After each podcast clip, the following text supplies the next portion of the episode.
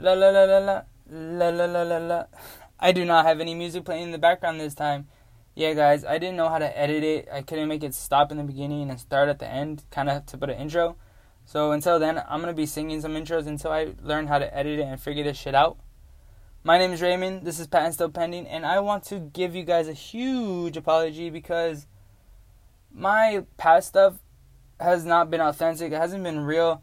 Um, I was trying to figure out why, like, my voice I kept stuttering and freezing and all this kind of stuff, and I realized like that's just not me. I was trying to sound way smarter than what I was. Like, I'm learning just as much as you're learning.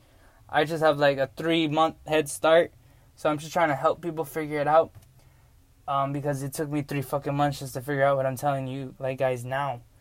So hopefully you guys forgive me. This is how the podcasts are gonna be now. This is just how I talk normally to my friends, to my family. Well, my family I don't curse as much, but this is just how I am. And this is, if you know me, this is how I am.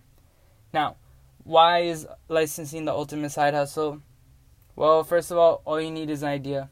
Yeah, you don't have to go to the bank. You don't have to go to no Wells Fargo. You don't have to go to Bank of America. You don't have to go to no uh, Frost, none of that stuff. You don't have to take out no loans, no debt, no nothing. You don't have to start a business. All you need is an idea. Ideas are free. All you gotta do is just think of something that someone was too lazy to think about or didn't even think twice about thinking like about inventing. Right? So like I'm not saying you have to go build a rocket ship. You don't have to build no teleporter.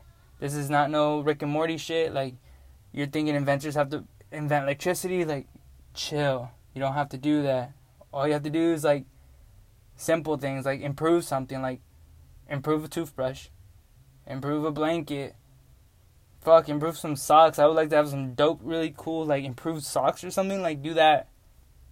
Because i feel like inventors get a bad rep that you have to be some engineer and stuff. You don't have to do any of that. Like you could fix a spoon improve a spoon do that. It costs no money. Think of the idea think of that. And then you're off to the races because you can license your idea.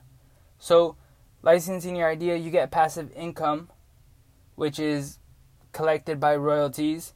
So, this means when you sleep, you're making monies. And that's what all these entrepreneurs and goals are, right? To make money while you sleep. Well, check it. I'm telling you, when you're sleeping, your product's going to be in the store making money. Whoever's going to Walmart, whoever's going to any of that stuff is making you money the company's making you money. Why is the company making you money? Because they borrowed your idea and now they're using all their shit, all their resources, their manufacturing, their advertising. Damn, it's hot in this closet. They're distributing. So they're taking all the risk. You're not taking nearly as much risk as them. I'm not going to say you're taking no risk because taking what, like, yeah, little risk. I mean, if that shit fails, they spent the money on the commercial, not you. They spent money building it, not you. You just said, here, borrow my fucking idea. And for every unit you sell, I want a piece of that. So, it's a really good deal. Like, you don't, the only money you really invest in is your PPA, which I did that shit yesterday.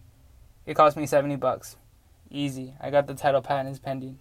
Now I'm looking for a 3D artist person to uh, work on my sell sheet. So my product could look like realistic, like it looks so real that like it looks like you just go buy it at the store right now type of shit. And I think that's the best thing everyone should do is really kind of invest in your sell sheet. Now, I wouldn't spend more than two hundred dollars. Like hell no. If you spend more than two hundred dollars, you're a sucker. Like don't do that. Um, you know, I two hundred dollars is the limit. Like on whatever ideas you're thinking of, you have so many. Just don't pass two hundred, right? It's still better than spending what minimum five grand to invest in like Uber or or getting like a twelve thousand or eight thousand dollars for a down payment for a property or something, and then you have to pay mortgage and all this stuff just to flip it, and that's if anyone purchased that house. Like so risky. This is like minimal risk, and the payoff is pretty great if like your product is the shit really, and it takes off.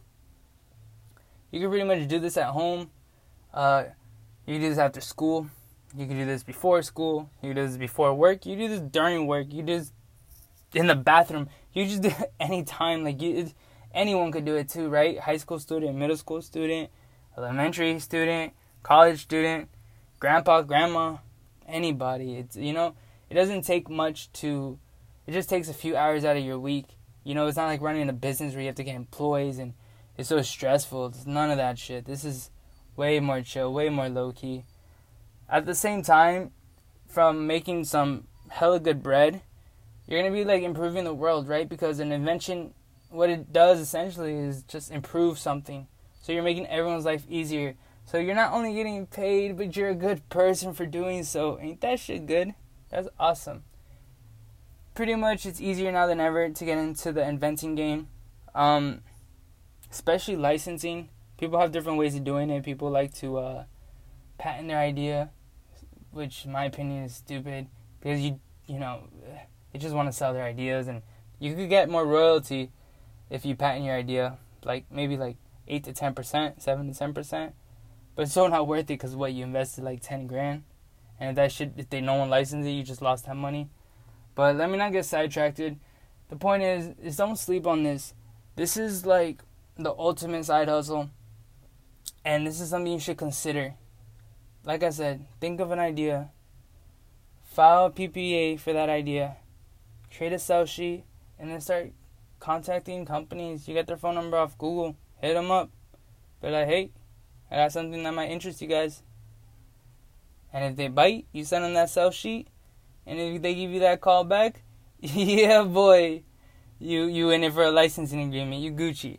So I'm in the process of doing that now. I'll let you know how it goes, but we'll see. I mean, this is a risk. This is always a risk, but it's not nearly the risk you're taking doing those other side hustles. And this is a number game, so don't forget. So the more ideas you come up with, the more companies you can license them off to. Eventually, one of them's gonna bite, and you'll be making passive income like in no time. So that's my opinion on everything. I'm Raymond. This is patent still pending. Peace.